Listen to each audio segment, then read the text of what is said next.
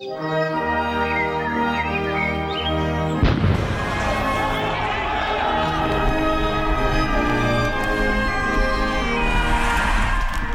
skal ikke få lov til at tage andre menneskers frihed. Nu er en del af løsningen.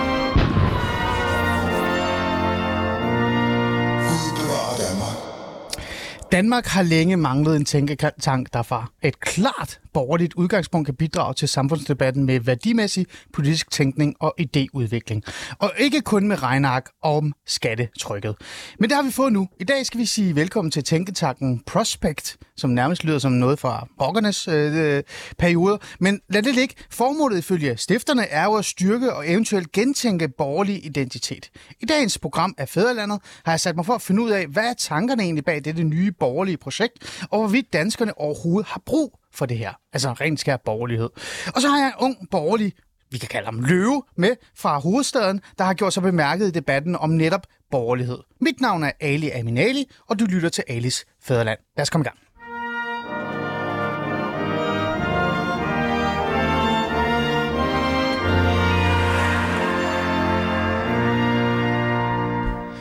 Og ja, yeah. I kan jo som altid deltage i samtalen. Det kan jeg lige så godt lige sige med det samme. I kan skrive ind på 92 45 99 45, 92 45 99 45 og deltage i debatten, samtalen eller stille spørgsmål. Er I selv borgerlige? Har I brug for en borgerlig tænkertank? Kan I godt lide den borgerlige løve, der står herinde? Jeg ved det ikke. Et eller andet. Skriv ind, og så tager jeg det op til samtalen her.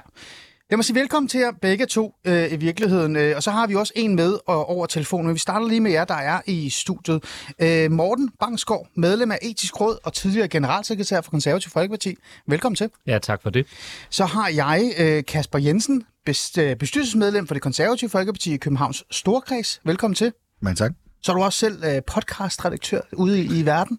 ja, en lille smule. Jo. Lige du reklame for det. Hvad er jo, ja, det, er, det, er jo, det er udstuen. Uh, en dejlig, uformel uh, tilgang til dansk politik. Ah. Taget det, ud af en værtshusstue. Jeg tror, jeg har været med i sådan noget der en gang for noget tid siden. Jeg har ikke tid mere. Jeg, jeg er forkendt. Du er ellers stadig velkommen. Ja, jeg ved det godt. Jeg vil også gerne være med. Og så har vi jo selvfølgelig, øh, når jeg siger selvfølgelig, så er det jo fordi manden tit er med i programmet. Christian Egander Skov, er du med? Ja, jeg er med. Du er forfatter, debattør, klummeskribent, og så er du jo også med i det her, øh, den her tænketank Prospect. Tak fordi du også vil være med. Ja, tusind tak. Godt. Øh, Egander, øh, lad os lige starte med dig, fordi du er jo, øh, hvad kan vi sige, kendt i det her program. Øh, hvis man skulle sige et par ord omkring den her borgerlige tænketank, hvad er så øh, grunden til, at den overhovedet skal eksistere? Årsagen til, at øh, vi mente, det var nødvendigt med en øh, tænketank med det her øh, borgerlige udgangspunkt, øh, fordi det er rigtig nok, som du siger, at det har det. Det er fordi, og det nævnte du egentlig også i indledningen, det her med, at øh, når vi i det borgerlige Danmark taler om, hvad vi står for, jamen så ender vi rigtig, rigtig tit med at tale om økonomi og økonomi og økonomi, og det vi så glemmer i den forbindelse, det er det, som man med en lidt populær og bred term kan kalde ånd. Og der mente vi, der var behov for et institutionelt grundlag for ligesom at fremme den her debat eller samtale om øh, ånd og borgerlighed, men ikke bare borgerlighed i politisk forstand, også medborgerlighed. Og det var egentlig det, der var grundtanken bag tænketanken Prospekt, som vi øh, kalder den. Mm. Ja, jeg beklager, at jeg kalder den for Prospect. Det er måske, fordi jeg hænger for meget ud med rocker, og jeg ved det ikke. Jeg ja, jo... ja, det, det, det, det kan være ja. det negative sociale arv. Det er jo det, jeg hedder over Ali. Øh, lad mig så komme ind i studiet her og lige øh, stille nærmest det samme spørgsmål til dig, Morten. Jeg tænker, du har det samme svar, men alligevel, øh, hvorfor synes du, det er vigtigt, der skal være sådan en form for tænketang? Jamen lad os tage fat i det, som, øh, som øh, Christian nævner øh, omkring ånden, som jo næsten er glædet ud som øh, ikke i samme grad øh, er den sammenhængskraft, som den egentlig har været i hele den periode, hvor vi har bygget det land og den nation, mm. som Danmark er blevet til øh, at det sådan set, hvis man igen skal bruge sådan en, en lidt øh, koncentreret version, det er blevet lidt koldt, det hele. Vi tænker kun i en bundlinje, men vi har glemt den dobbelte bundlinje, altså at det ikke kun handler om, at der skal være sorte tal øh, på bundlinjen, men der er noget andet og mere på spil. Noget lidt mere usynligt, og det er jo det her åndsbegreb, som vi gerne vil være med til at brede ud, fordi der er en meget stærk sammenhængskraft i ånden. Hmm. Så lad os prøve at brede det ud. Øh, og det er ikke fordi, at jeg måske ikke tror, at alle vores lyttere forstår, hvad I mener det, men alligevel, Morten, hvad er egentlig ånd for noget? Ja, det er i hvert fald en lang... Vi har to timer. Øh, vi har to timer, så det, det, det er godt. Så tager vi i hvert fald den første lektion af, af åndshistorien. Med. Ånd er måske netop i modsætning til det, hvor det kun handler om kroner og øre, hvis man skal starte sådan et sted, øh, hvor man øh, får fodfæste. Altså, at der er noget andet og mere på spil. Altså når vi mødes i det her studie, og vi er tre mennesker, så handler det jo om, at vi får aflæst, hvad er øh, menneske, hvad er eksistens øh, for en størrelse, for nu at tage noget af det, mm. som der virkelig er oppe i tiden, og hvor der mangler et svar på, at øh, når vi er mennesker og prøver at forstå vores mennesker, så oplever vi måske en absoluthed i, øh, at vi vil... Øh, være lige præcis øh, den, som øh, vi gerne vil være, at vi gerne vil være og anerkendes præcis som den, vi vil. Det er jo en af de der stærke metatendenser øh, i tiden, hvor vi måske har glemt, hvad det egentlig vil sige at være mennesker. Det er jo også en del af det at hvis vi sådan skal prøve at brede mm. åndsbegrebet lidt ud, at det også handler om eksistens. Mm. Mm. Øhm, Egander Skov, øh, jeg er jo øh, den Ali, som de fleste kender. Det vil sige, jeg er helt plain average Joe. Når jeg hører ånd, altså ordet ånd, så kan jeg godt forstå det, Morten siger, men jeg tænker også, ånd, det må også have noget med religion at gøre. Hvad med det religiøse?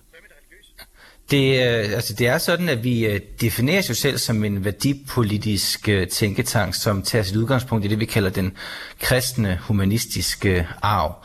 Og der ligger der jo selvfølgelig en erkendelse af, at de, øh, igen for at bruge det her begreb, åndelige værdier, som vores samfund og vores institutioner bygger på, jamen det har den her dobbelte fundering, dels i noget humanisme, det vil sige en tankerække, som går tilbage til oplysning, og før det tilbage til Rom og Athen, sagde man i klassisk uh, tid.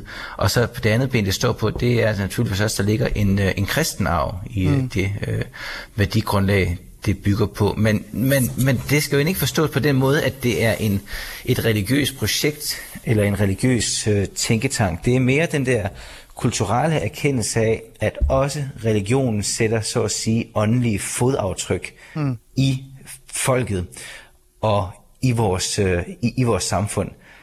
Når vi bruger åndsbegrebet, så er det egentlig også fordi, man kunne også godt bruge, hvis vi skal ind i metadiskussionen her, det har vi jo gudskelov øh, tid til at, at, at trætte lytterne med, så kunne man jo også sige kultur eller andre ting, men der er jo nok mm. bare det, når vi siger kultur på dansk, så forstår vi det sådan i meget snæver sammenhæng tit, så forstår vi det som kulturlivet, eller måske ovenikøbet mere smalt som, som kunst. Ja. Og derfor så er det egentlig åndsbegrebet, vi har taget udgangspunkt i. Man kan også tale om idéer eller, eller andet. Det er alt det der bløde noget, sådan lidt uhåndterligt, som, som falder uden for, den, for, for det der hårde gitter, som Excel-arksverden øh, sætter op og forsøger at passe vores virkelighed ned i. Mm.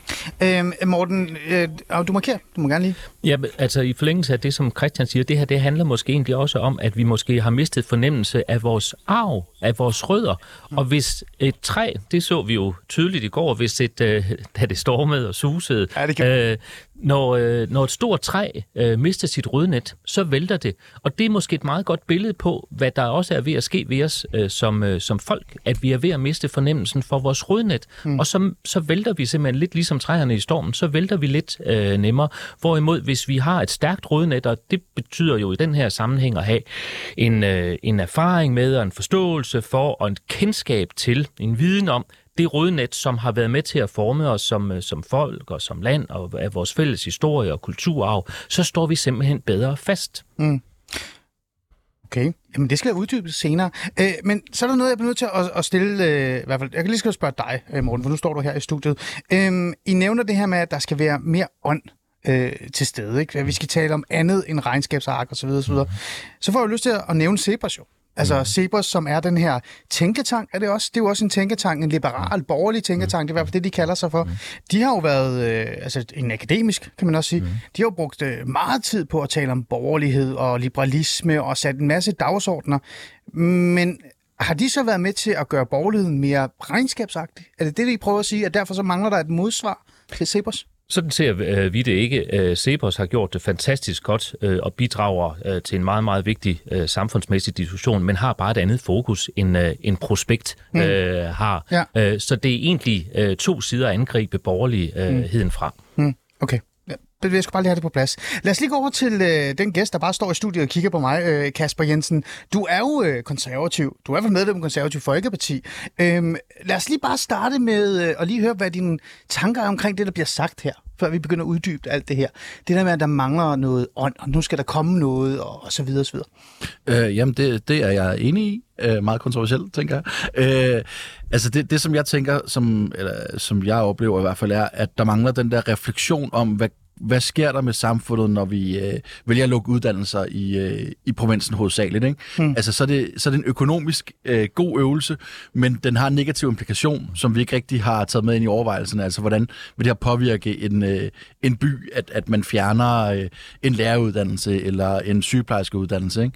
Ikke? Øhm, og det synes jeg, der kun er positivt, hvis, hvis man begynder at øh, opdrage øh, refleksionerne om, hvad, hvad er konsekvensen af den her politiske øh, tiltag, som vi laver nu, mm. øh, som en del af disciplinen i at, at tænke og udfolde øh, politik. Mm. Nu er du jo øh, den yngste, vil jeg gætte mig til. Altså, jeg ligner sikkert en, der er yngre end dig. øh, nu spørger jeg Frank, hvor gammel er du? Jeg er 31. Okay, det er jo stadig den yngste. Jeg kan ikke lige huske, hvor gammel Gant er. Han er sikkert 50 eller sådan noget, måske 70. Han får ikke lov til at svare. Øhm, den her udvikling, der har været omkring konservatisme, som på en eller anden måde, eller borgerlighed i Danmark, øh, der er gået fra, at der er fyldt med kultur og ånd og så videre, så videre til at blive regnskabsagtigt. Det er jo noget, øh, du har på en eller anden måde har oplevet en lille smule, vil jeg mene, hvis man kigger på 90'erne og så videre og så videre. Øh, altså som barn, ikke? Det er det, jeg prøver sådan lidt. jeg var 10 år i, uh, ja, ja, men du har stadig oplevet det. Du har stadig oplevet det, ikke? øhm, for dig, hvad er egentlig borgerlighed og konservatisme så? Fordi jeg ved jo godt, hvad det er for dem. Og hver gang jeg taler med folk om konservatisme og borgerlighed, så får jeg sådan en historie fra 1600-tallet. Ikke? Sådan et, øh, men jeg vil gerne høre den nye generation. Jamen, Hvis du jeg... synes, der mangler ånd, hvad er det så, du øh, mangler øh, i forhold til det? Jamen, jeg, jeg, jeg tror for mig, der, der bliver konservatisme kogt ned til at være en politisk metode, som man udvikler et samfund øh, med hvor at, at og det er et redskab? Ja, ja, ja, altså ret simpelt, som, som har uh, råd i, uh, i liberalismen og i, i Smith, og, mm. og, og bliver konkretiseret med Burke, og, og det ved jeg ikke, igen, der ved meget mere om en... Ja, men han kommer lige om lidt, han kommer lige om lidt. Øh, ja. men, men for mig, altså, så, så, så er det primært en metode, det er en metode til evolutionært at, at, at få et, et bedre samfund, der bygger øh, op som en trappe, frem for at og ligesom ignorere alt, hvad der er menneskeligt, fordi man har en, øh, ideologisk tilgang til, hvordan det burde være, være menneske. Mm. Ikke? Mm. Øhm. Det er, hvordan du tænker, det skulle være. Hvordan synes du, det burde være? Ja, det, det er også sådan, som... som burde det være sådan? Ja, altså, ja, ja, det synes jeg. Det synes jeg. Ja, okay. Jeg synes, konservatisme har øh, blik for, for, for en menneskelig dimension, som øh, liberalisme og socialisme ikke har, og, og det er nok også derfor, jeg i grunden øh, betragter mig selv som værende konservativ. Mm. Ikke, Skov, lad os lige få dig ind. Ikke? Du er jo øh, Alice Fæderlands øh, hvad kan jeg sige, visker, når det kommer til borgerlighed. Øh, grunden til, at jeg stiller sådan nogle lidt sjove spørgsmål øh, her til, øh, til Kasper, det er jo fordi, jeg vil gerne forstå, hvordan den unge generation, den nye generation forstår konservatisme, om de stadig forstår det på den samme måde. Det virker som om, at det gør man, men alligevel så er, øh, hvad kan skal vi sige, så er det ikke det, der dominerer i Ganderskov. Alle ved, hvad konservatismen er. Alle ved, hvad kultur er vigtig, ånd er vigtig, øh, det store perspektiv er vigtigt. Alligevel så er det jo Zebras regneark, der fylder det hele. Hvorfor? Ja, det, det er i hvert fald regn, det regneark, der fylder det hele, og det har noget at gøre med, at vi lever i øh, det velfærdssamfund, vi lever i, og det moderne samfund, vi lever i, hvor alting er, samfundet er ufattelig kompliceret. Og hvis man skal ændre noget, jamen så kræver det også en forståelse for, hvordan det økonomisk er skruet sammen. Det er simpelthen forholdene i, øh, i jernindustrien. Altså, det er ligesom, at du står foran den her store maskine, og du skal til at gøre noget og sige nogle bestemte lyde, så skal du vide, hvilke knapper du skal trykke på. Mm. Der er også inden for politologien, så kalder man det nogle gange for konkurrencestaten. Og det betyder bare, at den politiske samtale, ikke kun den borgerlige politiske samtale, men også den borgerlige politiske samtale, den kommer til at dreje sig mere og mere i retning hen, hen i retning af, hvordan hvordan virker maskinen? Så vi ender med at tale om maskinen, i stedet for at tale om de idéer mm. og værdier, som vi skal gå til maskinen med. Altså jeg tror dybest set, det er det, der er, øh, det er, det, der er mekanismen mm. i det. Men igen, der, der, ligger, der, ja. men der er noget, jeg ikke forstår, fordi der findes jo også en venstrefløj. Der findes også en midterfløj, eller hvad man kan kalde dem. Øh, og der, så findes der alternative øh, typerne. Øh, alle de her mennesker, de lever også i den samme velfærdsstat de har også visioner og drømme for, for samfundet og for staten. De falder ikke ned i regnearkstænkningen og, og selvforståelsen af, at, hvordan man skal spare allermest, fordi det er good for business. Så, det, det, det, Det, det ved jeg nu ikke, om jeg er helt enig øh, med dig Jamen, i, så prøv at Ali, fordi hvorfor. hvis, hvis, hvis, hvis vi ser på den midte, vi har i dansk politik lige nu, og den må vel være defineret rimelig skarpt lige nu ved at være Socialdemokratiet, Moderaterne og Venstre. Hvad Mm. er det så, der definerer og holder sammen på den midte?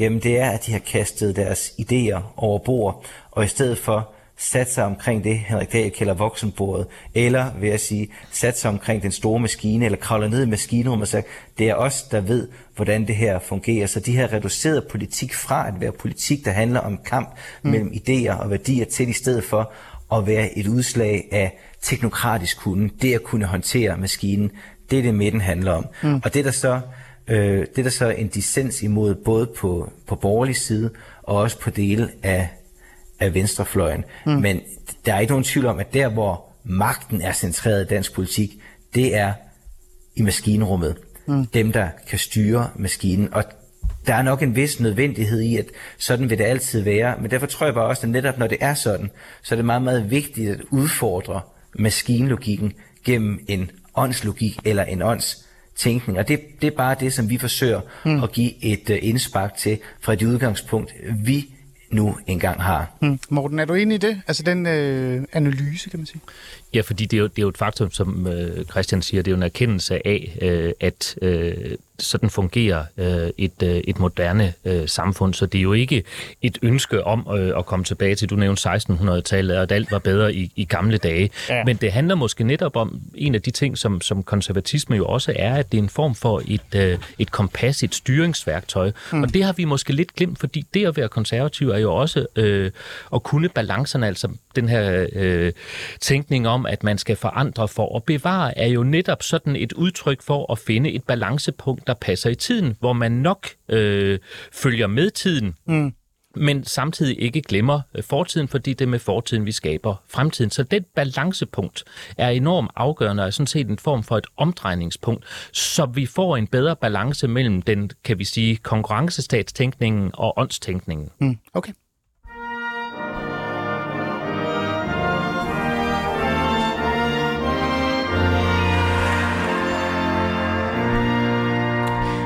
Ja, det er blevet tirsdag. Øh, vi overlevede øh, tornadoen, stormen, øh, jeg ved ikke, hvad man ellers kalder den, og I sidder og lytter til øh, Alice Fæderland. Vi er jo godt i gang. Der er gået cirka 20 minutter af vores samtale, og jeg har inviteret Tænketanken Prospect, jeg kalder dem stadig Prospect, for det lyder lidt bedre i virkeligheden, men det hedder Prospect, kan man sige, ikke? Ind for at tale om, hvad er det egentlig, de vil? Det er jo den her nye borgerlige tænketank. Øhm, vi har brugt de første 20 minutter på sådan at tale sådan lidt mere sådan, hvad er egentlig baggrunden af det? Hvad er sådan essensen af det? Og så videre, og så videre. Men nu vil jeg gerne sådan udfordre jer så at sige, okay, hvis det er, det er det, I gerne vil, så nævn tre områder, eller tre emner, som I synes, der virkelig er behov for en, en borgerlig, åndelig samtale, der skal være med til at skabe en debat i Danmark.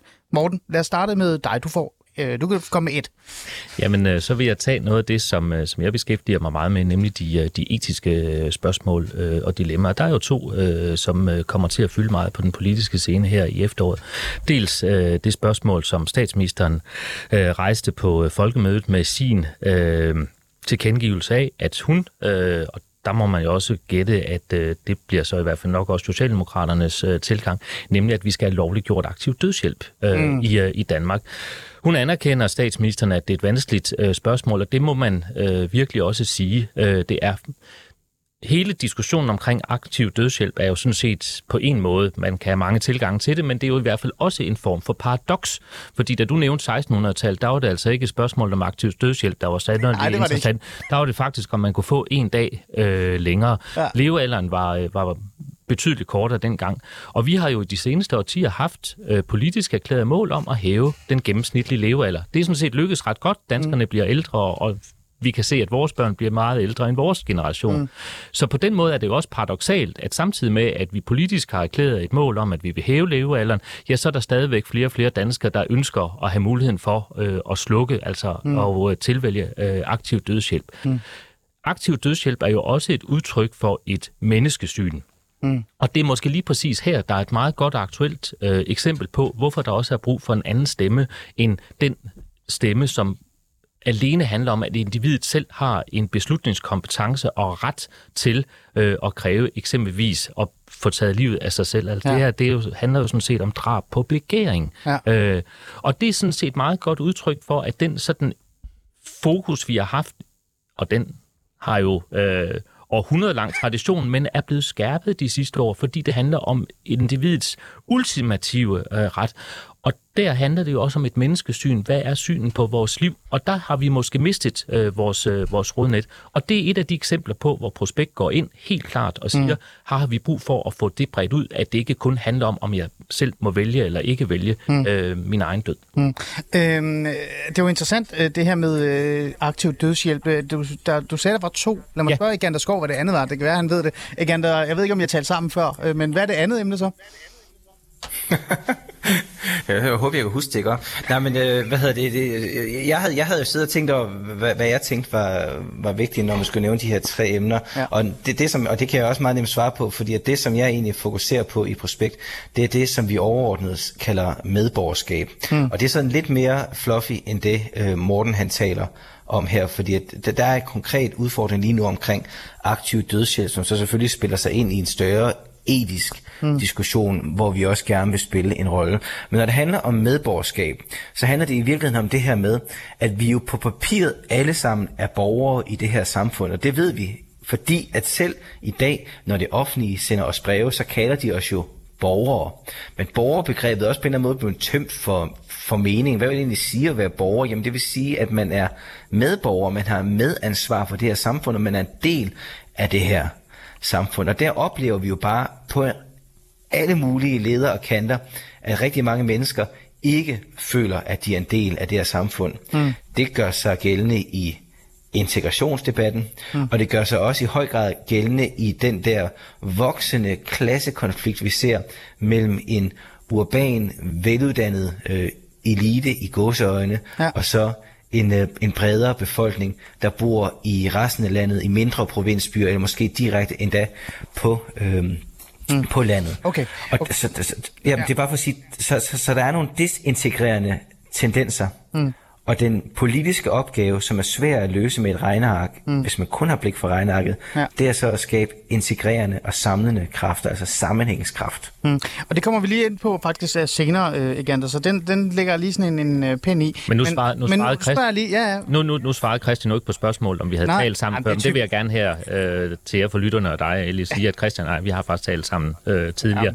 Øhm, nej, spøj til side. Et af de andre øh, tidstypiske øh, typiske emner, som øh, også kommer politisk øh, til behandling her i det, den kommende folketingssamling, Ja. ja. er jo spørgsmålet af abort. Øh, Ja. Og øh, det er jo et andet godt udtryk på, at der er andet og mere på spil end det enkelte individ. For selvfølgelig mm. handler spørgsmålet om abort jo også om kvindens selvbestemmelsesret. Mm. Men det handler jo også om det ufødte barns øh, mm. øh, rettigheder.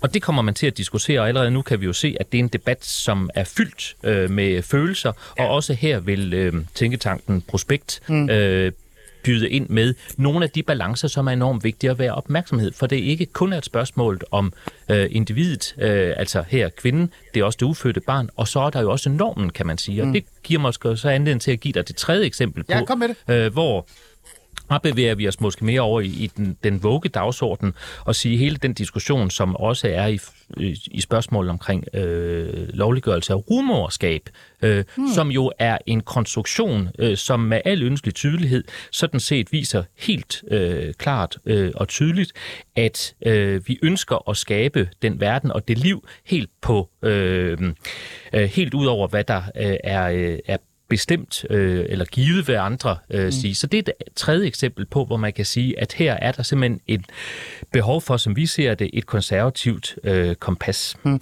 Øh, Kasper, øh, nu bliver der nævnt øh, tre øh, emner, og øh, Egander taler også om det her med medborgerskab, det der store fællesskab, og ideen om at kunne se sig selv i noget større end øh, jeg ved det ikke, man burde næsten sige Instagram, ikke?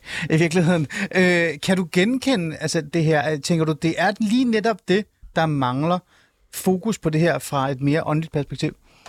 Øh, jeg synes, det resonerer ret godt, øh, men, men jeg tror også, at, at lige så mange borgerlige mennesker, der er lige så mange kæpheste, er der også. Ikke? Øh, men men jeg, jeg, jeg synes da, at, at det her med at, at pege ind og så sige, jamen altså sådan et eksempel som, øh, som aktiv dødshjælp, Øhm, der, der, der har jeg da selv rykket mig for, at jeg for 10 år siden synes, at det var individets ret, hvor at, at nu der tror jeg, jeg har så kritisk et, et syn på, på velfærdsstaten, og hvordan den ligesom re, ja. har et re, økonomisk rationelt øh, øh, opfattelse af, at, at dens borgere, øh, hvor at, at jeg da lidt frygter, at, at det ender med at blive sådan en form for nudging til, til de her meget, meget udgiftstunge mennesker, der har brug for massiv pleje, hvor at, at man Prøv, først... prøv, prøv at forklare det lidt mere. Altså, det er den her, øh, jeg vil ikke kalde det tese, for det, det er jo også en virkelighed, man har, man har set øh, i udlandet også, det her med, at mm. man kan se, at der er en Bestemt. person, hvis personen skal leve længere, så, Så så er det kommer det, til at koste rigtig mange penge. Altså, vi er oppe i millioner Ja. for staten. Derfor så kan der måske forekomme noget nudging fra staten, Ja. fra velfærdsstaten. Ja, al- altså... Er det det, du siger? Ja, ja hvor, hvor man siger sådan, har, har, har du overvejet det her? Det kunne være, altså den her mulighed hedder aktiv øh, dødshjælp. Øhm, altså når, når man kigger på, øh, hvordan det står til med, at, at kommuner skal leve op til at, øh, at give den støtte til handicappede borgere, som Ja. handicappede borgere har ret til, så, så ser det jo rigtig, rigtig skidt ud.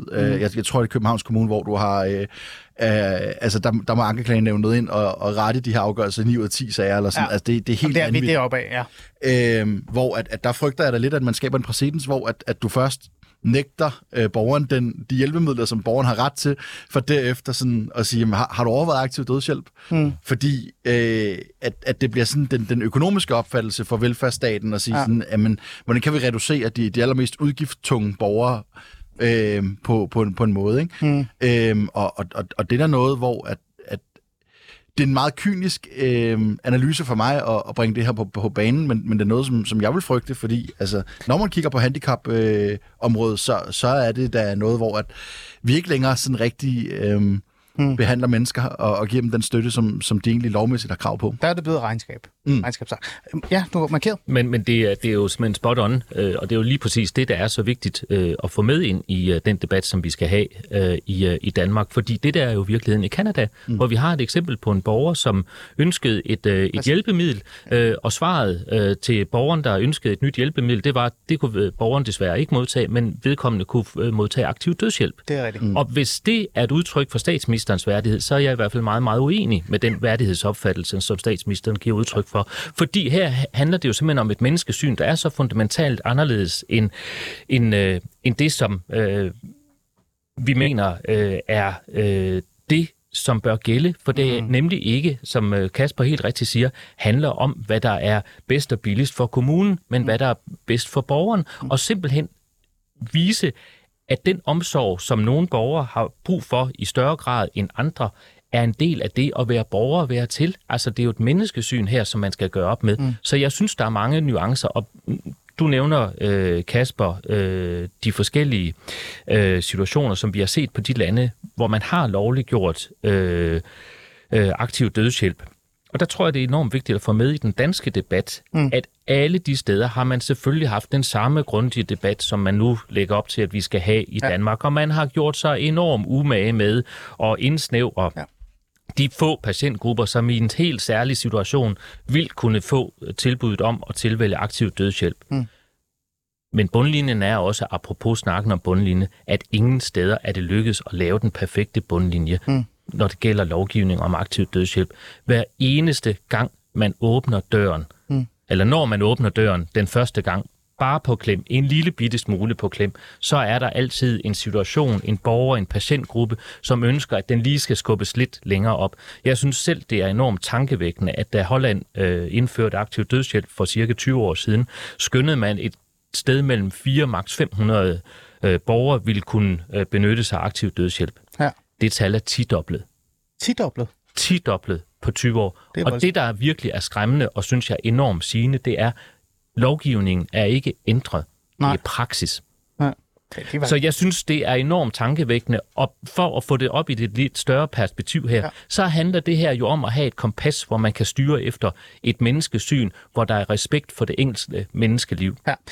Øhm, du markerede lige, Kasper, før vi går videre. Ja, jamen det, det er fordi i det sekund, hvor at, at kommuner ligesom har muligheden for at at lave det her, jamen så bliver det øh, altså en politisk, økonomisk øh, rettesnor for, hvordan man vælger at behandle den her gruppe, hvor man, man gerne selv sådan vil, vil optimere på, øh, på de udgifter, man har, og få dem bragt ned, og, og lynhurtigt, så står man bare i en, i en virkelighed, hvor at, øh, at, at det er ligesom en måde, man, man tilgår øh, mm. meget, meget udgiftstunge borgere på. Igen, Skov, det andet, der også blev nævnt, det er jo det her med abort øh, og øh, retten til abort og også øh, retten til liv, kan man nærmest også sige. Nu skal jeg passe på, for det er jo, det, det er jo en helt anden fløj. Ikke? Men alligevel, så får jeg helt øh, lyst til at så stille dig det her spørgsmål, Igen, Skov. Handler det her egentlig i bund og grund om, at man på en eller anden måde har glemt, hvilken værdi mennesket har øh, i ja, hele det her regnskabsræs? Ja. Og det er derfor, ja. man på en eller anden måde i Tænketanken øh, Prospekt vil forsøge at sige til os alle sammen, men også til de borgerlige især. Kære venner, mennesket har også et værdi. Det er ikke kun vækst. Der er også en værdi hos mennesket. Det synes jeg er meget præcist øh, sagt. Og jeg tror så, hvis jeg skal øh, altså, øh, få noget til, så er det, at det handler egentlig ikke kun om, at det er vækstdagsordenen, der har relativeret menneskets værdi. Jeg tror, der ligger noget mere grundlæggende øh, der er noget mere grundlæggende på spil her. Det, som man med et øh, ord, som nok er lidt for dyrt til radio, kan kalde autonomi. Vores idé er, det er det, blevet i det i vestlige samfund, at de ting, vi vælger, har værdi. Det er så at sige valget, der sætter værdien. Så hvis jeg vælger at leve, så er det godt at leve. Hvis jeg vælger at dø, så er det mit valg, så er det godt at dø. Livet selv har ikke nogen iboende værdi. Og det er som om, når man forsøger at føre de her etiske debatter, ja. som Morten og, og Søren Peter, vores direktør, er, er dem, der kommer til at uh, fokusere på i prospekt, så rammer man hele tiden ind i den mur, at den eneste måde, vi egentlig er i stand til at diskutere de her ting på som samfund, jamen det er ud fra det her autonomibegreb, altså en ekstrem individualisme. Det jeg vælger er godt, og ting har ikke en iboende hmm. øh, værdi. Hvis, hvis vi skal, jamen, det, du har fuldstændig ret, det er jo radio, ikke? Og nu begynder det at lyde som, at jeg sidder og læser weekendavisen op i Ganderskov. Hvis du skal prøve at forklare vores lyttere en lille smule mere, hvad du mener med autonomi og alt det, du lige har sagt, uden jeg siger, at det er ikke, fordi de ikke forstår det kort, så kode det ned. Hvad betyder det her? Hvad er det, du... Ja. På helt autonomi, autonomi er jo bare et meget, meget dyrt ord for, for selvbestemmelse.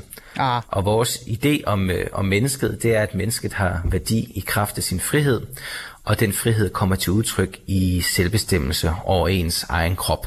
Hmm. Så det, vi, vi dybest set, så må vi gøre, hvad vi har lyst til, så længe vi ikke skader andre. Det er sådan den grundlæggende etiske tanke i vores meget individualistiske samfund. Okay. Og det er klart, hvis man tænker sådan, jamen så kan livet ikke have en iboende værdi, fordi jeg kan vælge at stoppe det, hvornår jeg har lyst, og det er bare mit valg og fred være med det. Mm. Øhm, men så får jeg lyst til at stille øh, dig, Morten, og også øh, Christian, du bliver også her, øh, så man kan høre dig. Og i virkeligheden også øh, den sidste gæst i studiet, Kasper, du får også lyst til at svare, hvis du har lyst til det. Øhm, alt det her, det kan jeg jo godt se mening i. Nu er jeg også i sig selv i nærheden af der, hvor I er, så det er jo også fint. Men hvor er det, alt det her bliver udfordret? Hvor er det, det er så meget under pres, at der er brug for en ny tænketang til at sætte det på dagsordenen? Øh, altså, øh, der er jo ikke nogen, der lukker ned for abortdebatten og ikke giver plads til, at det konservative Folkeparti kan sige deres mening. Den findes jo stadigvæk derovre. Øh, og det samme gælder med alt det andet, der er blevet sagt. Så hvad er det egentlig? Hvor er udfordringen i det, der gør, at I er meget vigtige lige pludselig? Jamen lad os øh, starte øh, med debatten om aktiv dødshjælp. Altså når man spørger øh, danskerne, så er tre ud af fire danskere øh, tilhængere af at lovliggøre aktiv dødshjælp i Danmark. Det, der er jo interessant, det er jo de, de raske danskere, øh, man spørger. Det er jo ikke dem, der ligger øh, på det aller yderste i de sidste livsafsnit. Det er ikke øh, dem, der har et øh, handicap, som vi har snakket om, ja. øh, og så videre. Øh, Øh, det er ikke dem, øh, man spørger. Og der er der behov for, fordi som Christian helt rigtigt siger, at det er som om, at det autonomikort eller selvbestemmelseskort, når vi kommer ind eksempelvis på de etiske debatter, så rydder det simpelthen øh, spillebordet. Der er øh, en ultimativ opfattelse af, at selvbestemmelseskortet mm. er det stærkeste, mm. og det er det, der skal Men hvor kommer øh, det den fra, være. Morten? Det er det, jeg prøver at finde ud Hvor kommer den fra? Kommer den fra? Jeg tror, det er en meget, meget, jeg tror, det er en lang, lang udvikling, og der kan vi faktisk virkelig trække rødderne tilbage til, altså da øh, tænkningen og individfokuset øh, startede øh, i, ja, hvis vi sådan i moderne tid øh, mm. skal sige, sådan omkring øh, slutningen af, øh, eller sidste halvdel af det 17. Øh, århundrede. Og den er jo næsten blevet ekstrem. Og det, der er enormt vigtigt at sige, og det er jo der, hvor den med balancetænkning igen mm. øh, er vigtig, det er jo ikke fordi autonomi og selvbestemmelse øh, med et lidt mindre fint og lidt mindre dyrt øh, ord, ikke er vigtigt. Det er det, og det er der heldigvis masser af, fordi her i ligger individets frihed jo. Mm. Men der er også noget, som vi måske ikke har talt så meget om endnu, nemlig balancen i forhold til fællesskabet. Ja. Altså, nogen vil jo hævde, at vi lever i en mere normløs tid, øh, ja. hvor, hvor der ikke er noget at holde i. Og jeg synes, en af de politiske ting, der var interessante i, efter, i sidste efterårs øh, folketingsvalgkamp, det var enormt fokus på øh, den mistrivsel, der er hos øh, den unge øh, generation. Mm. Og jeg synes, der er omkring voksenbordet øh, og andre steder et behov for, at man måske ikke bare siger, vi må sørge for, at der er adgang til mere øh, psykologhjælp og bistand øh, til den unge generation. Jeg tror, der er andet og mere på spil, og det er sådan set der, hvor vi også vil prøve at byde ind med at sige, her skal vi have styrket et rådnet og en forståelse af, at øh, det, øh, som man sådan umiddelbart, altså hvor friheden også øh, simpelthen kan tynge, øh, og det er måske det, der er ved at ske, det er det, det er udtryk for noget af den her mistrivsel, at den her ultimative frihed, hvor man som helt frit svævende individ skal agere, har man ikke noget at holde i. Altså, hvis vi sådan skal prøve sådan at brede øh, åndsbegrebet ud til noget af det, som øh, man kan hente meget både inspiration og forstand og visdom i, så er det jo eksempelvis den danske salmeskat. Og når man tager sådan øh, salmen med, mm. med dejlig af jorden, og vi synger, slægt skal følge slægt. Ja.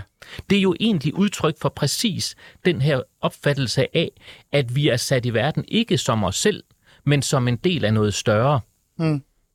Interessant. Øh, Egander Skov, øh, øh, alt det her, det lyder jo øh, fornuftigt, og det giver mening, øh, og Morten er rigtig god til at forklare mig, men jeg kan godt lide de der skarpe, det ved du jo også godt, ikke? Øh, så Christian, nu spørger jeg dig så, øh, hvem er modstanderen her så? Altså, hvem er det, der udfordrer alt det her?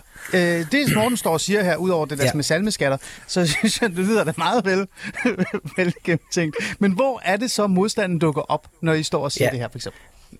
Men jeg er ikke villig til at pege på én modstander, fordi jeg, hvis det bare var så vel, at der var en drage, som vi kunne bore lansen igennem, ja. og så kunne vi redde prinsessen og få det halve kongerige. Men det er præcis som Morten siger, at det er en tidsånd, vi er oppe. Mm. Men der er jo nogen, der er ansvarlige for det her tidsånd, Christian Egander Skov. Det, det, det ved jeg faktisk ikke. Altså, hvem skal vi sige er ansvarlig for, at vi lever i et hyper individualiseret samfund. Ja. Mm. Vi, vi, vi, vi, vi kan ikke pege på en eller anden, øh, vi kan ikke pege på Lars Lykke i det her tilfælde og sige, det er din skyld, Lars Lykke, fordi du lavede kommunalreformen i 2007. Nej. Desværre hænger ja. verden ikke sådan sammen, og derfor så er det en ret formidabel modstander, vi er oppe imod. Det er også derfor oprindeligt, nu spurgte du om det her med Cepos tidligere, Ja.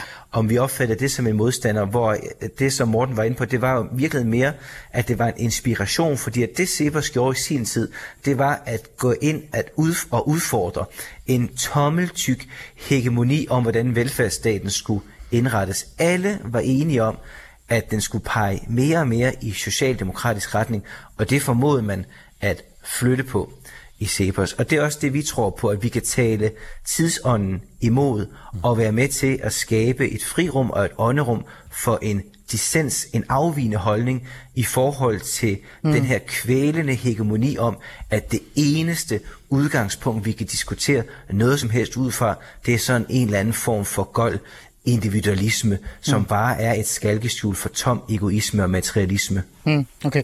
Øh, vi har lige fået, øh, vi har lige en, øh, et indspark i samtalen. Jeg kan godt lige tage den med. Øh, Anders Nielsen fra Aalborg, øh, der har skrevet, sjovt at det altid er dem, der selv kan bestemme deres død, der er imod aktiv dødshjælp.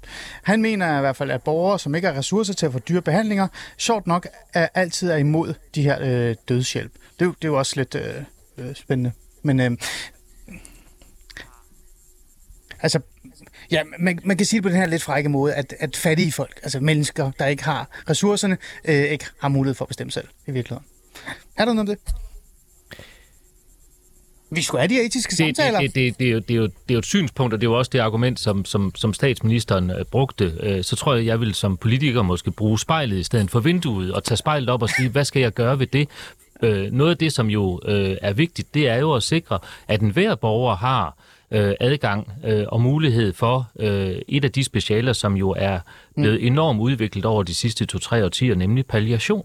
Mm. Og at de palliative afdelinger på på, øh, på, på sygehus. Bare lige At, at, at Hvad er det? Bare lige for de palliative, det er der, hvor man lindrer øh, lidelse, og lidelse øh, er jo sådan set både fysiske, øh, og det er jo det, som tror jeg rigtig mange øh, ja. bygger deres øh, mm. holdning på, nemlig mm. en angst eller en bekymring eller en frygt for øh, at lide en smertefuld øh, mm. død. Øh, men livet er jo også øh, smertefuldt, og lidelse er i sig selv også en del af livet, og det er ligesom den, vi tror i enhver sammenhæng, ikke kun når det gælder spørgsmålet om aktiv dødshjælp, at vi kan fjerne lidelsen, og det er måske også et udtryk, hvis vi igen sådan skal prøve at hæve det lidt op, mm. øh, at vi har mistet fornemmelsen for, hvad menneskelivet er. Ja. Og er det så skarpt, vil Ali så spørge? Ja, jeg så bare øhm, tænker, det er da meget ja. privilegeret at sige, lidelse, det er bare en del af livet. Nej, jeg siger ikke bare, fordi det lidelse...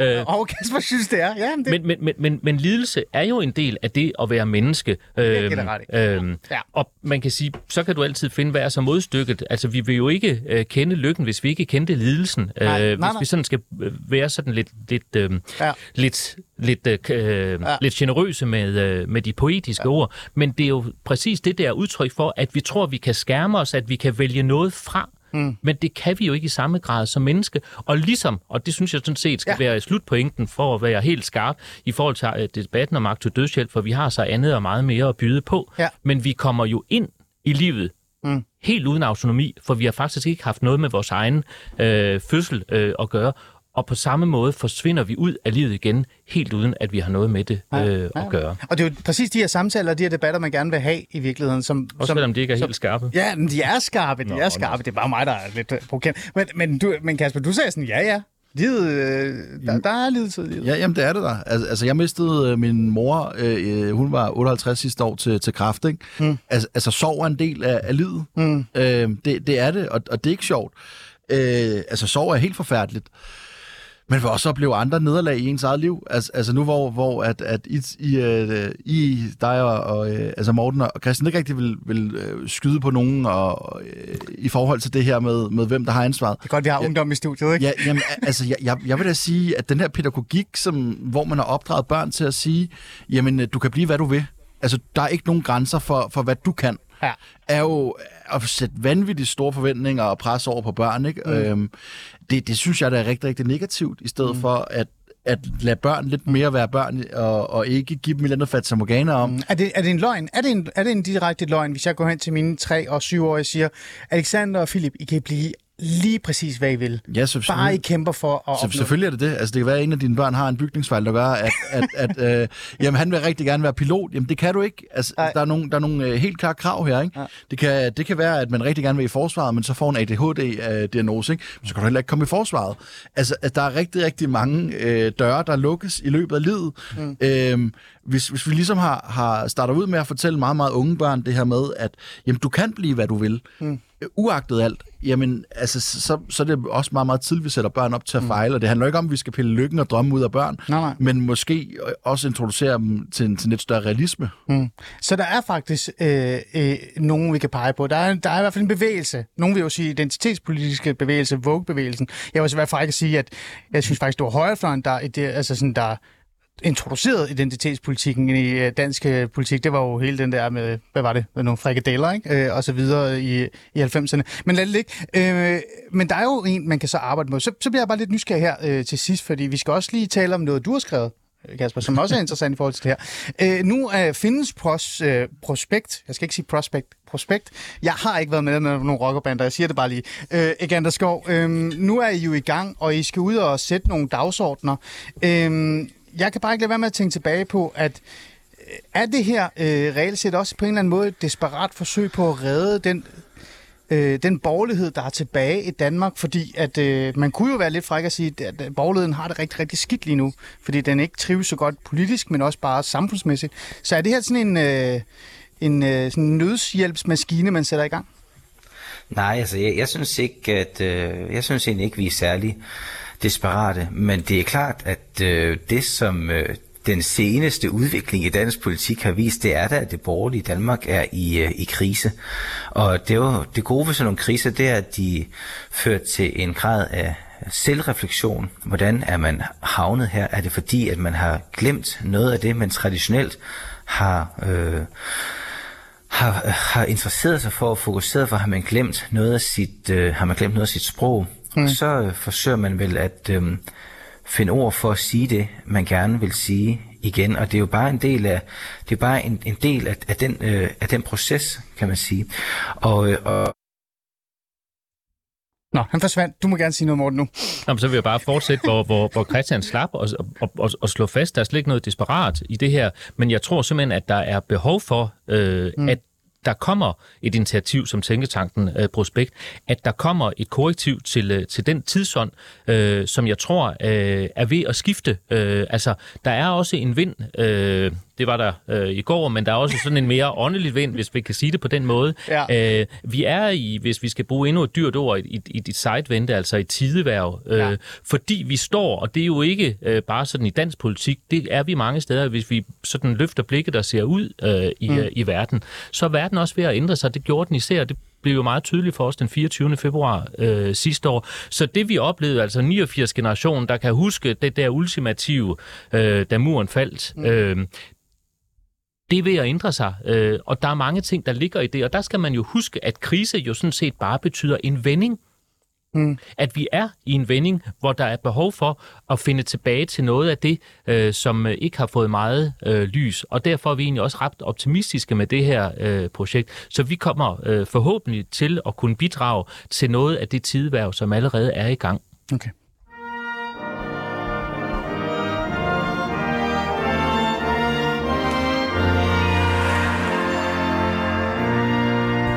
Lytter til øh, Fæderlandet, og vi er i gang med at tale om borgerlighed, borgerlige øh, hvad kan jeg sige, øh, idéer, tanker, øh, ånd. Øh, og så taler vi selvfølgelig om Tænketanken øh, Prospekt, øh, som er, så er det rigtigt? Er du glad nu, morgen? Ja, som er i studie for at fortælle mig og øh, vores lyttere, øh, hvad de egentlig gerne vil. Det er jo den her borgerlige tænketank, der har sat sig for at sætte en, en åndelig og også en kultur mæssig samfundsdebat i gang i forhold til visse emner, såsom for eksempel abort og, og så videre og så videre. Øhm, Morten Bankenskov og Christian Neganderskov, jeg ved ikke, om Neganderskov er tilbage øh, i studiet. Er du der? Er du faldt ud? Han er sikkert i gang med at skrive en ny bog om borgerlig krise, fordi det kommer han i tanke om, der, der er brug for. Øh, vi har også noget andet på menuen, fordi apropos det her med borgerlighed og, og så videre, og så videre, så har vi jo øh, i virkeligheden en, øh, som også har en idé til, hvordan man måske burde tænke borgerlighed ind i, øh, eller i hvert fald i fremtiden. Øh, du er jo, øh, fordi at du netop er god til at fortælle, hvad du synes om konservatisme, men Kasper Jensen, du er her også, fordi du har en idé omkring noget mere punk øh, ind i borgerlighed. Er det ikke rigtigt forstået? Øh, i, I hvert fald en, øh, en tolerance over for, for punk i, øh, i borgerligheden. Ja. Øh, jeg, jeg synes, den her... Øh, der, der, der er en meget indsnævret holdning til, hvad der bliver borgerligt. Øh, det, det, det bliver meget tunnelsyn, og det bliver mere og mere ekskluderende for, for folk, der afviger for øh, det her borgerlige ideal, hvor at, at, der synes jeg, at øh, altså, borgerligheden vil også liberalisme og, og, og personlig frihed, mm. og en accept og tolerance for, hvordan andre mennesker vælger at leve deres liv, som øh, man i en eller anden grad, øh, synes jeg, har været rigtig, rigtig dårligt til at, at omfavne og, øh, og, og tage hånd om over de, de, de sidste mm. mange år. Du har jo en interessant historie, øh, og når man tænker på, altså hvis man hører din historie, øh, Kasper, øh, så vil man jo være lidt fræk, øh, fordomsfuld at sige, man kan jo ikke være konservativ eller borgerlig. Øh, mm. Prøv lige at fortælle kort omkring din, øh, din ungdom. Øh, jo, øh, jamen jeg, øh, faktisk, jeg, jeg får en personlig nedtur, der lige hurtigt bliver sat i gang af, øh, min, min mormor dør, øh, hvor øh, altså meget ud af det blå, og jeg var ikke rigtig givet til at tage, øh, håndtere sorgen. Derfor udviklede jeg nogle, noget psykisk sygdom, øh, og, og øh, den... Øh, manifesterer sig så, da jeg som 25-årig øh, skal fejre min, øh, min fødselsdag på et, øh, et herberg, øh, mm. hvor jeg er blevet smidt hjem, ud hjemmefra og, og sidder de facto hjemløs. Ikke? Mm. Mm. Øh, så får, bliver jeg så udredt og, og får en diagnose øh, og får hjælp til at komme mig. Øhm, og er så sluppet ud efterfølgende med en, med en kandidatgrad fra CBS i erhvervsøkonomi og filosofi. Mm. Øhm, og er, er stadig borgerlig. Øh, jeg, jeg var borgerlig også før. Det var fordi, jeg havde en, en idé om, at mm. Øh, man bliver nødt til at, at acceptere en præmis om, at man i et samfund har en begrænset mængde af ressourcer. Du kan ikke bare hjælpe alt, øh, alle mennesker lige godt universelt. Altså, så, så er der en større kvalitetsmæssig øh, løft i de mennesker, mm. som man, man kan løfte ved at målrette øh, mm. hjælp til folk på bunden. Mm. Øh, og det kunne jeg så også se på, på min egen øje, eller med min egen øjne, mm. at øh, det her velfærdsnet, som, som vi bilder os ind, vi har, mm. øh, er der ret store masker på. Det vil sige, at, at, at, at når man står øh, og falder igennem det her, altså, mm. så, ram, så rammer du gulvet, ikke? Mm. Men du vil jo gerne have mere sådan noget Amager-borgerlighed ind, ikke? Du kalder det Amager-borgerlighed, for man skulle tro, du var socialdemokrat, og det er jo også en af de der fordomme, der rammer øh, borgerlige konservatisme. Der er jo mange, der igennem tiden har kigget på mig og sagt, du kan jo ikke være borgerlig overhovedet. Mm. Du sidder med kasket ind i studiet, og jeg bare sagt, ja, men jeg er, jeg er street-konservativ. Lad mig være i fred, ikke? Øh, øh, men hvad er det, du synes, der øh, måske også er en hemsko for borgerligheden øh, nu til dags? Er det, fordi det, er den måske for fordomsfuld i sig selv også. For jeg tænker sådan lidt, øh, vi kan jo have rigtig mange tænketanker, og vi kan have mange øh, drømme og tanker omkring, hvordan, hvad vi vil med alle mulige forskellige emner. Men hvis vi ikke kan gøre borgerligheden mere øh, tilgængelig for den nye øh, hvad kan vi sige, generation, gøre den mere folkelig, som den var engang, så bliver den jo bare det der lille, lille, øh, den der gruppe der. Øh. Altså, altså, jeg tror, det der er et af de helt store udfordringer for borgerligheden, er, at, at man ikke altid har sådan helt skarpe svar på spørgsmålet. Altså, at, at der også er en refleksion over det, hvor at, at vi i det her samfund lidt har brug for, at nu skal du svare på det her meget hurtigt, ja. hvor at, jamen, jeg, jeg er sgu ikke sikker på, at jeg kan give det bedste svar øh, efter fem sekunders øh, mm. tænken, hvor at, at der, hvis man er øh, socialdemokrat eller, øh, eller mm. mere ud til venstre, jamen så har du en meget god idé om øh, altså den her marxistiske mm. øh, forståelse af samfundet af, at, at, at omfordeling er altid godt, og lighed, større mm. lighed skaber bedre samfund. Men Kasper, du har fuldstændig ret, fordi for at gøre det mere for, øh, folkeligt og mere forstående og mere ammeragtigt, som du så også selv øh, siger et eller andet sted, der er brug for, mere rock and roll, så skal man jo have de der svar øh, klar. Men ja, det jeg ikke kan forstå, det er, hvorfor kan man ikke have det? Når jeg som dag, som, øh, som, hvad hedder det, som far til en lille dreng øh, på 6-7 år, som skal starte på en specialklasse øh, i en skole i Aarhus, når jeg stiller et spørgsmål og siger, jeg har et øh, sårbar dreng, jeg har brug, jeg, det her dreng har brug for mere end bare det, vi kan få, der er blevet skåret for meget ned. Mm. Så er der mange få borgerlige, der har et reelt svar til mig. Hvorfor tror du, det er det? Man kunne bare sige, privatisere det hele. Eller man kunne sige, ved du hvad, ligesom der bliver sagt her, din søn har en værdi, så må det koste en million. Han har en værdi, derfor så skal man beskytte ham. Hvorfor gør borgerlige så ikke det? Jamen det, det er jo, tror jeg, at, at der, der er så bred opbakning til den her velfærdsstat, som vi har i Danmark, at, at når der kommer sådan nogle lidt onde mennesker som mig og siger, Øh, nej, men det, det passer ikke. Altså, øh, nu tager jeg den her kæp, og så står jeg ligesom og, og, og stikker ind til illusionen om, hvor god den her velfærdsstat er. Øh, altså, velfærdsstaten er, er ubetinget god for de mennesker, der ikke rigtig er i kontakt med den, eller mm. som oplever at, at få børnepenge, selvom de, de sidder ret godt i det, samtidig med, at de måske har en privat sundhedsforsikring gennem arbejdet, der gør, at, at man ligesom mm. hele tiden er i afstand til, til den service, som, som velfærdsstaten mm. kan levere. Men, hvor er det det sekund, du virkelig kommer i berøring med den, ja. og, og oplever de her øh, illusioner, som man, man, man ligesom har bygget op, eller drømme om, hvor god velfærdsstaten var, mm. jamen, øh, så, så møder du bare en verden, hvor at, at det er økonomisk nok heller ikke muligt, at, at man siger, jamen for at, at, at nogle børn kan få en rigtig god skolegang, så vil det formentlig koste et sted mellem 1 til 1,5 millioner om året, øh, for at der er den rigtige støtte på, ja. øh, rigtig antal pædagoger. Også for, at det ikke får en negativ konsekvens for, for, for de børn, der, der mm. er omkring dem, fordi nu tror vi på inklusion lige i det her øjeblik. Ja. Ikke? Men man skal jo have et svar hvad er så dit råd til, øh, til den her tænketank? Nu står Morten her, og jeg får videre øh, igen, der er, er faktisk er med igen. Øhm, hvis der også skal være mere punk i det, der skal være de her klare svar øh, på plads, hvad, hvad er så dit råd til, at de måske også skal have lidt mere fokus på, så de kan, så de kan rykke lidt? Jamen, jeg, jeg, jeg, jeg synes, de, de, kom, altså, de tænker, jeg kommer til at gøre det helt fremragende, bare i at, at insistere på at, at tale om ånd, og insistere på at tale om de her ting, der, der skaber et mere refleksivt samfund, hvor vi tænker os bedre om, mm. og hvor vi, vi derigennem bare alene tænkningen udvider vores horisont og vores forståelse af, af en sammenhængskraft, som vi har i, i, i Danmark. Ikke? Mm. Tror du så, det lykkes der? Øh, altså, fordi det, det største projekt vil jo være at gøre det borgerlige, altså det borgerligheden folkeligt. Hvad, hvad er succeskriteriet? Jamen, det ved jeg ikke, at det går bedre, måske. Jeg kan godt se, hvad du mener, Kasper. Ja, jeg kan godt se, hvad du mener. Øh, Kasper, øh, tak fordi du vil komme og fortælle din historie. Vi skal, vi skal have dig ind, så vi kan uddybe den her historie lidt mere øh, end det, for der er rigtig meget at grave i. Men Kasper Jessen, bestyrelsesmedlem for Konservativ Folkeparti i Københavns Storkreds. Tak fordi du vil komme og, og reflektere borgerlighed med mig. Yes. Og øh, til dig, Christian Egander Skov øh, og Morten Bangskov, der står i studiet. Tusind tak, fordi I vil komme og være med til at fortælle lidt om, hvad hele den her tænketang vil. Hvis man vil gerne have fat i jer, er det bare på jeres hjemmeside? Det er det nemlig. Det er det nemmeste måde. Prospekt.dk